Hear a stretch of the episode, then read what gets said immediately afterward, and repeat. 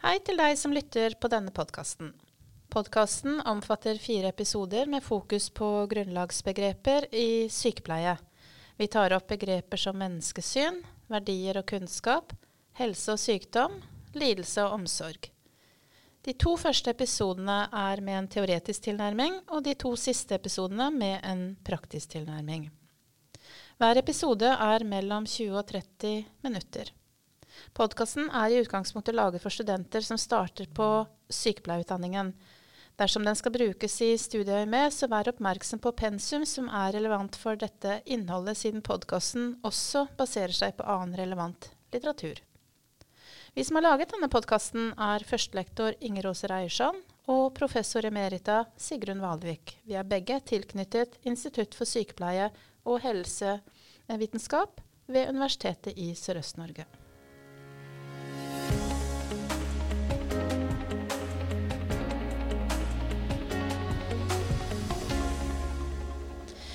Sigrun, eh, kunne du si litt mer om hva vi skal samtale om i denne episode to?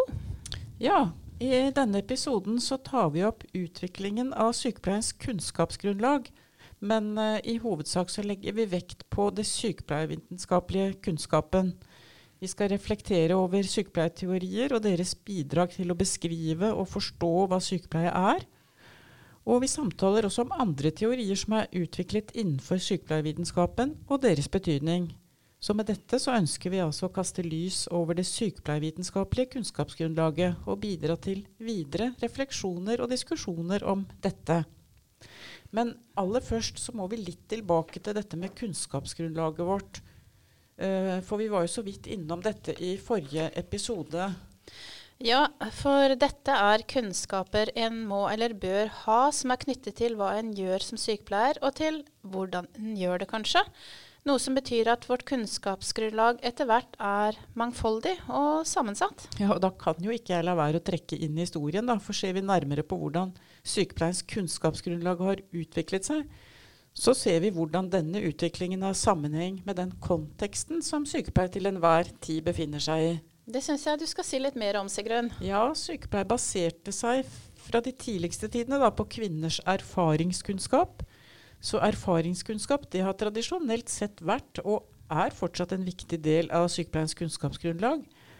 Men med moderniseringen av sykepleier så kom det altså inn nye typer kunnskaper. Og dermed så ble sykepleiens kunnskapsgrunnlag utvidet. Det var i første omgang etikk og religion og medisinsk kunnskap.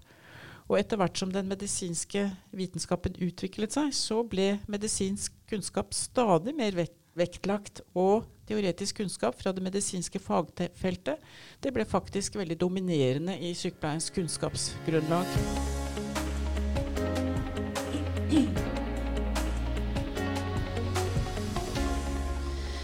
Men eh, du, når begynte egentlig kunnskap fra andre fagfelt enn medisin å komme inn i sykepleiens kunnskapsgrunnlag? Ja, jeg har kanskje lyst til å begynne med noe som kanskje ikke så mange er klar over. Nemlig at ideen om holistisk sykepleie, altså det at sykepleie skulle omfatte omsorg for hele pasienten, da, den skriver seg fra amerikansk sykepleie på 1920- og 30-tallet. Og helhetlig omsorg det stilte krav til kunnskaper om både psykologi, sosiologi og pedagogikk.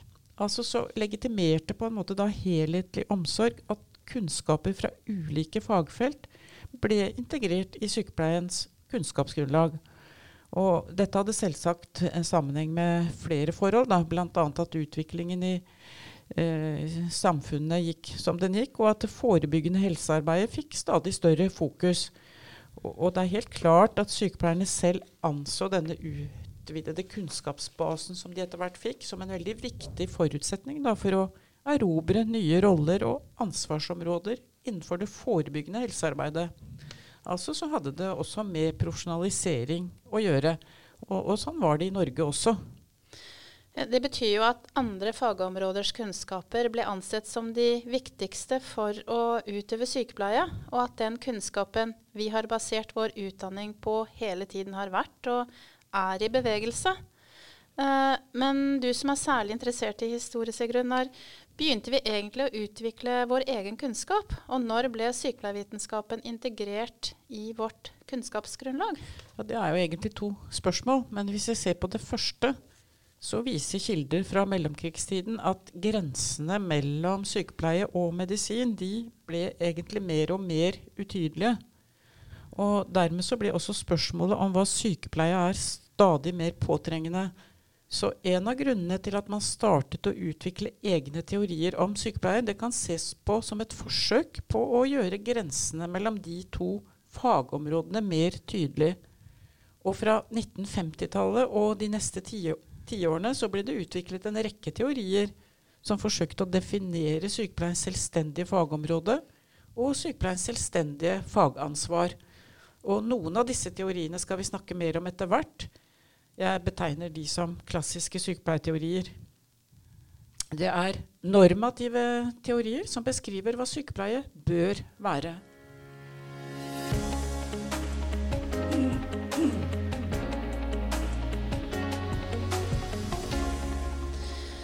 Men uh, hva med Florence Nightingale nå? Du, hun beskriver jo også hva sykepleie bør være, og hva slags kunnskaper en sykepleier bør ha. Ja, Florence Nightingale har jo en helt spesiell plass i den moderne sykepleiens historie. Og det kunne de jo snakke mye og lenge om. Eh, Florence Nightingale skriver en del om hva sykepleie er og bør være. Men slik jeg ser det, har vel ikke Florence Nightingale formulert sine synspunkter som en teori, slik vi vanligvis bruker det ordet. da. Jeg tenker vel at hun først og fremst revolusjonerte utdanningen for sykepleiere, men da er vi over på et annet tema. Men uh, hva kan være grunnen til at det tok så lang tid å utvikle teorier om uh, sykepleie? Ja, Det kan jo ha sammenheng med at sykepleiere tradisjonelt sett har blitt utdannet til å ta mye ansvar, være samvittighetsfulle, oppfordrende og også lydige i det systemet vi er i. Det, det ga dem kanskje liten mulighet da, for å jobbe på andre nivåer. Og dette kan jo være viktige grunner til at sykepleiere ikke begynte å skrive ned og sette ord på sin egen erfaringskunnskap. Det var altså forskningen som begynte i USA etter annen verdenskrig, som ble opptakten til at sykepleie gikk mot å bli et forskningsbasert fag og ble definert som en humanistisk vitenskap.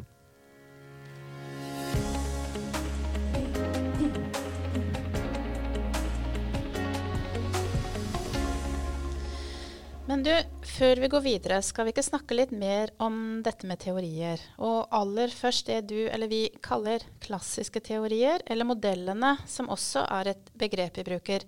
Disse teoriene er jo på et overordna nivå. Eh, de skulle svare på spørsmålet om hva er sykepleie? Um, og disse teoriene som ble utviklet i USA etter andre verdenskrig, fokuserer jo på litt ulike aspekter eller deler av den virkeligheten sykepleie utøves i. Ja, og det betyr at når noen deler av denne virkeligheten løftes mer tydelig fram, så skjer det på bekostning av andre deler som da får mindre oppmerksomhet. Og det er det viktig å ha i bakhodet. Og teoriene er jo sånn sett en forenkling av virkeligheten. Ja, Da kan vi jo se litt videre på noen av disse teoriene. På 1950-tallet har vi f.eks. Hildegard Peplot og Virginia Henderson. Og så kommer Dorothea Oram og Joyce Travelby ca. 1960-tallet og Calista Roy på 1970-tallet. Ja, og i overgangen fra 1970 til 1980-tallet så var det Pamela Mitchell, Doris Carnavali, sykepleierprosessen og sykepleierdiagnosene som vi stiftet bekjentskap med. Mens senere på 1980- og 1990-tallet så ble Kari Martinsen, Katte Eriksson, Benro Rubel med sine omsorgsteorier mer toneangivende. For øvrig så stilte særlig Kari Martinsen seg kritisk til de amerikanske sykepleieteoriene, men dette er kanskje en digresjon i denne sammenhengen, da. Så tilbake til spørsmålet vi var inne på tidligere, om når sykepleievitenskapen for alvor ble integrert i vårt kunnskapsgrunnlag. Det kan vi si var på 1970- og 80-tallet.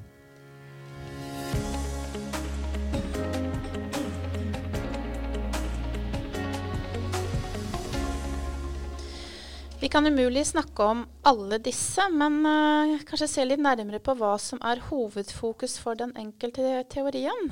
Og ser vi først på Henderson og Orem, så kalles disse for behovsteoretikere. Noen bruker også begrepet ADL-teoretikere, fordi de er opptatt av pasientens behov for sykepleie til å opprettholde dagliglivets aktiviteter og tilfredsstille sine grunnleggende behov. Henderson def Hendersons definisjon av sykepleie har for øvrig hatt og har fortsatt stor innflytelse på synet på sykepleie i Norge. Orems teori kan vi vel si, eh, se på som en forlengelse av Hendersons rammeverk, med et atskillig mer utbygd begrepsapparat og et særlig fokus på pasientens egenomsorg. Kort sagt så er Orem opptatt av hva egenomsorg er, hvordan egenomsorg kan, egenomsorgssvikt kan identifiseres, og hvordan sykepleier kan bidra til å kompensere for eller gjenvinne egenomsorg. Jeg syns vi skal ta opp igjen Orem når vi skal snakke om hvordan teoriene kan anvendes i møte med praksis. Ja, det er jeg helt enig i så kan vi vel plassere disse teoriene innenfor positivismen med forankring i naturvitenskapen.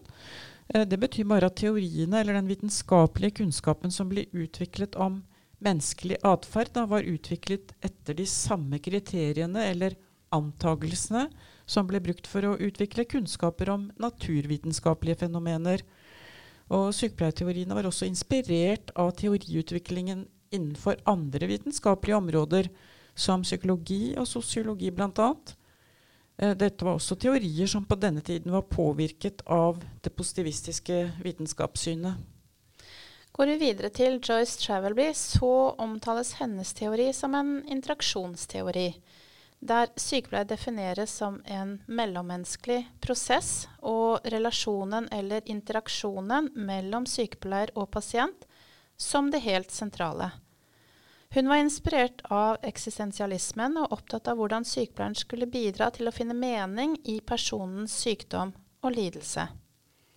Mens sister Calista Roy, eh, hennes teori, også kalt adap adaptasjonsmodell, var radikalt annerledes. Hun beskriver fire områder som mennesket må tilpasse seg. De er knyttet til fysiologiske behov, selvoppfatning, rolle og gjensidig avhengighet. Sykepleier skulle bidra til at pasienten fikk tilfredsstilt behovene innenfor disse områdene gjennom å innhente og vurdere data om pasienten.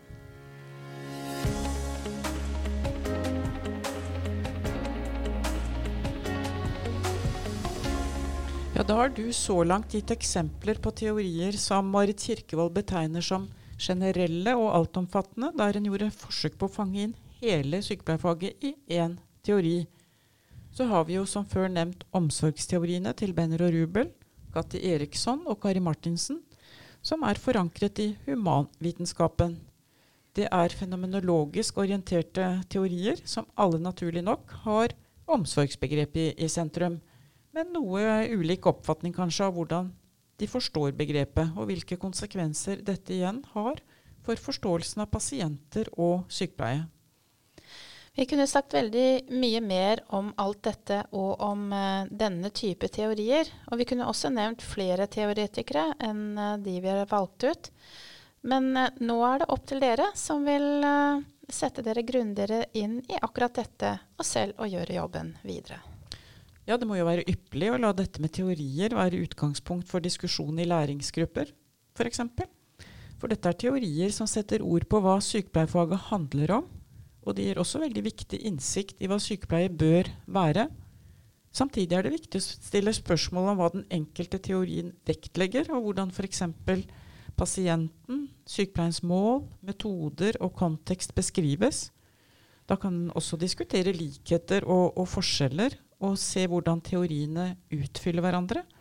Og, og, jeg tenker Dette kan gi en bedre forståelse for hva teoriene har å bidra med. For litteraturen er jo ikke helt entydig på dette. Så det er viktig å gjøre seg opp sin egen forståelse.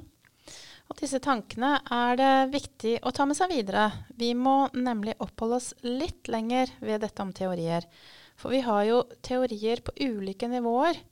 Eh, nå har vi snakket om de overordnede teoriene, men så har vi teorier på lavere nivåer, for å si det på den måten.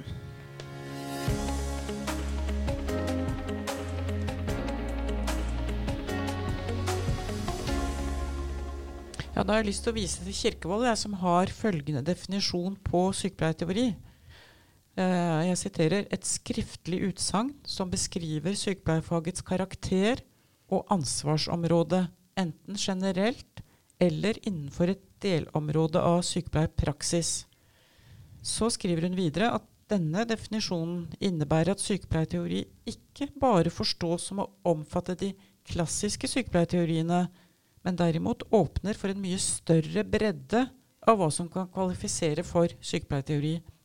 Og i denne sammenhengen tenker jeg det er viktig å fokusere på den teoriutviklingen som finner sted innenfor sykepleiervitenskapen i dag.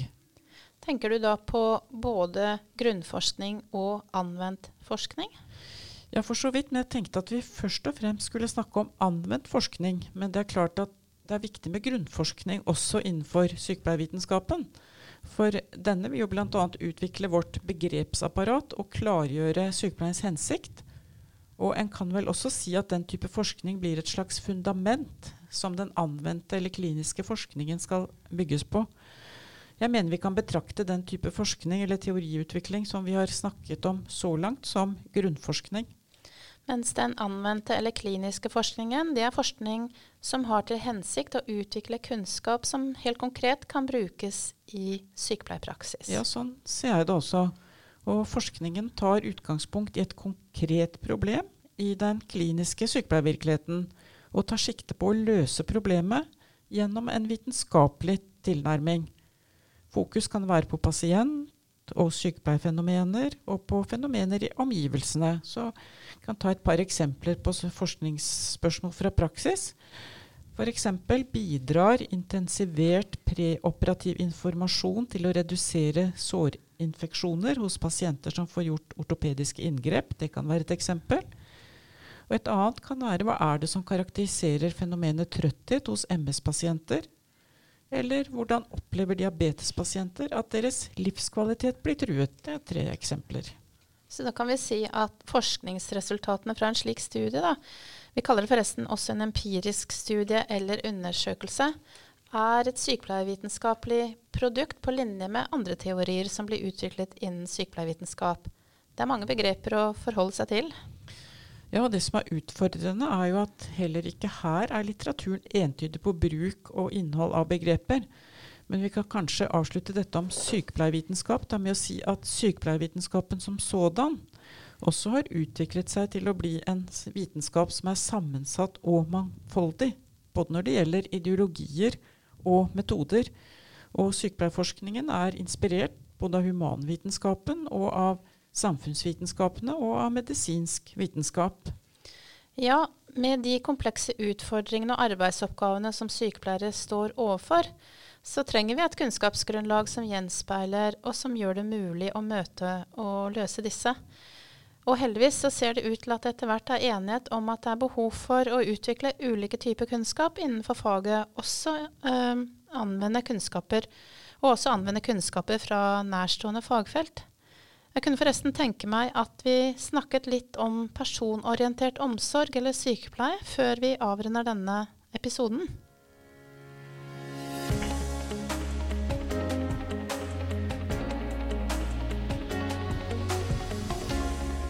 Jeg kan jo si noe om dette med personorientert omsorg ganske kort. Personorientert omsorg den er jo forankra i humanismen. Og det betyr at mennesket er i fokus som selvstendig og ansvarlig aktør. Og at hvert enkelt menneske har en uh, ukrenkelighet og en verdighet.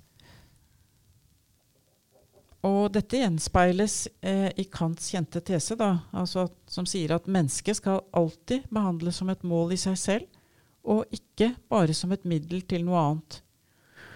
Og det har på mange måter vært en snuoperasjon i synet på pasienten fra å være passiv til å ta aktivt del i behandlingen og i beslutningsprosesser. Og det er en økende anerkjennelse av pasientens kompetanse til å delta i beslutninger som tas, og til selv vurdere egen livskvalitet.